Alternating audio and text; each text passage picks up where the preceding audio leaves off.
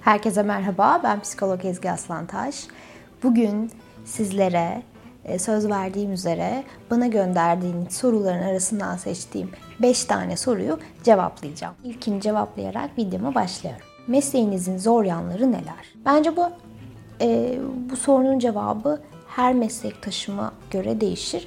Ama benim açımdan baktığımızda e, ben yoğun günlerden yani yoğun e, seans günlerinden sonra çok hmm, yorgun bir zihinle ayrılıyorum aslında işten.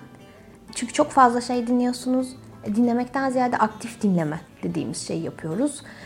E, sürekli işleyen bir zihnimiz var. Hmm, çok e, ağır işler yapan, bedensel olarak da çok ağır işler gibi. Zihin de aslında bir işçi ve zihni sürekli çalıştırıyorsunuz. Durmuyor ve bir şekilde aktif dinliyorsunuz. O, o e, sürede e, çok ciddi bağlantılar kuruyorsunuz. E tabi bu da bedensel bir yorgunluk bile getirebiliyor. Zihinsel yorgunluk. O yüzden de zihnimin yorgunluğu, çok aktif dinlemeye çalışmak, empati kurmak, bunlar mesleğimizin olmazsa olmazları. Fakat bunlar e, gün sonunda her ne kadar profesyonel olursa olsun ya da yıllarca meslekte olmuş olursa olsun kişiyi yoruyor ve e, bir alana ihtiyaç duyuyor aslında gün sonunda. Benim için zor yanı bu. Yani zihnimin çok e, yoğun bir şekilde yorulması ve gün sonunda aslında o yoğun günlerde gün sonunda ben sadece ama sadece kendime ait bir alanda dinlenmek ve zihnimi boşaltmak istiyorum. Zor yanı dersek bunu diyebiliriz. İkinci soru. Psikolog olmaya nasıl karar verdiniz? Aslında bu bir karardan ziyade bu e, bir süreç oldu benim için. Çünkü sanki bundan başka meslek yapamazmışım gibi geldi bana. İlkokul 5'te ben buna karar verdim. Tıp okumak istiyordum. Evet, çocukluğumdan beri. Hatta Hacettepe'nin böyle e, özet tıp derslerini indiriyordum. Kibas diye bir hastalık öğrenmiştim mesela. Kafa içi basıncı artma sendromu açılımı da e, pediatriye özellikle ilgim vardı. Fakat daha sonra bunun olamayacağını anladım. Çünkü sayısal derslerim çok çok iyi değildi ve e, bunun için tabii ki tıp için de sayısal derslerin çok iyi olması gerekiyor. Üniversite tercihlerinde de zaten psikolojiden başka hiçbir bölüm yazmadım. 12 tane tercih yaptım. 12'nin 12'si de psikolojiyle e, psikoloji bölümlerindendi.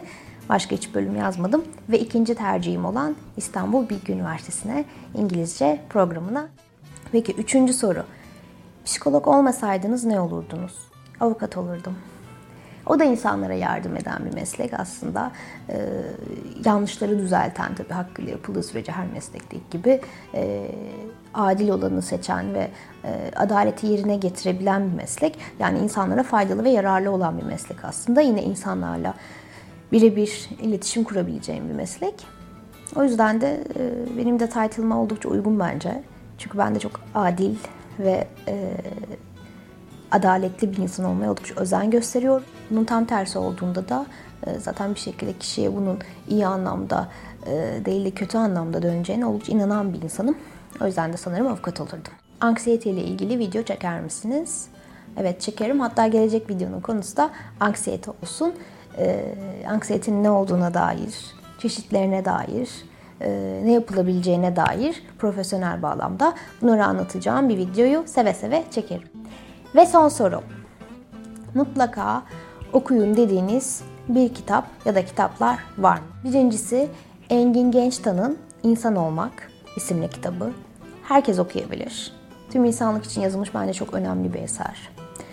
İkincisi de Sigmund Freud'un Günlük Hayatım Psikopatolojisi isimli kitabını psikoloji meraklarına ve e, insan meraklarına öneriyorum. Evet, videonun sonuna geldik.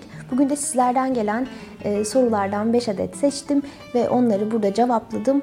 Umarım keyifli bir video olmuştur. Gelecek hafta yeni videomuzla görüşmek dileğiyle diyorum.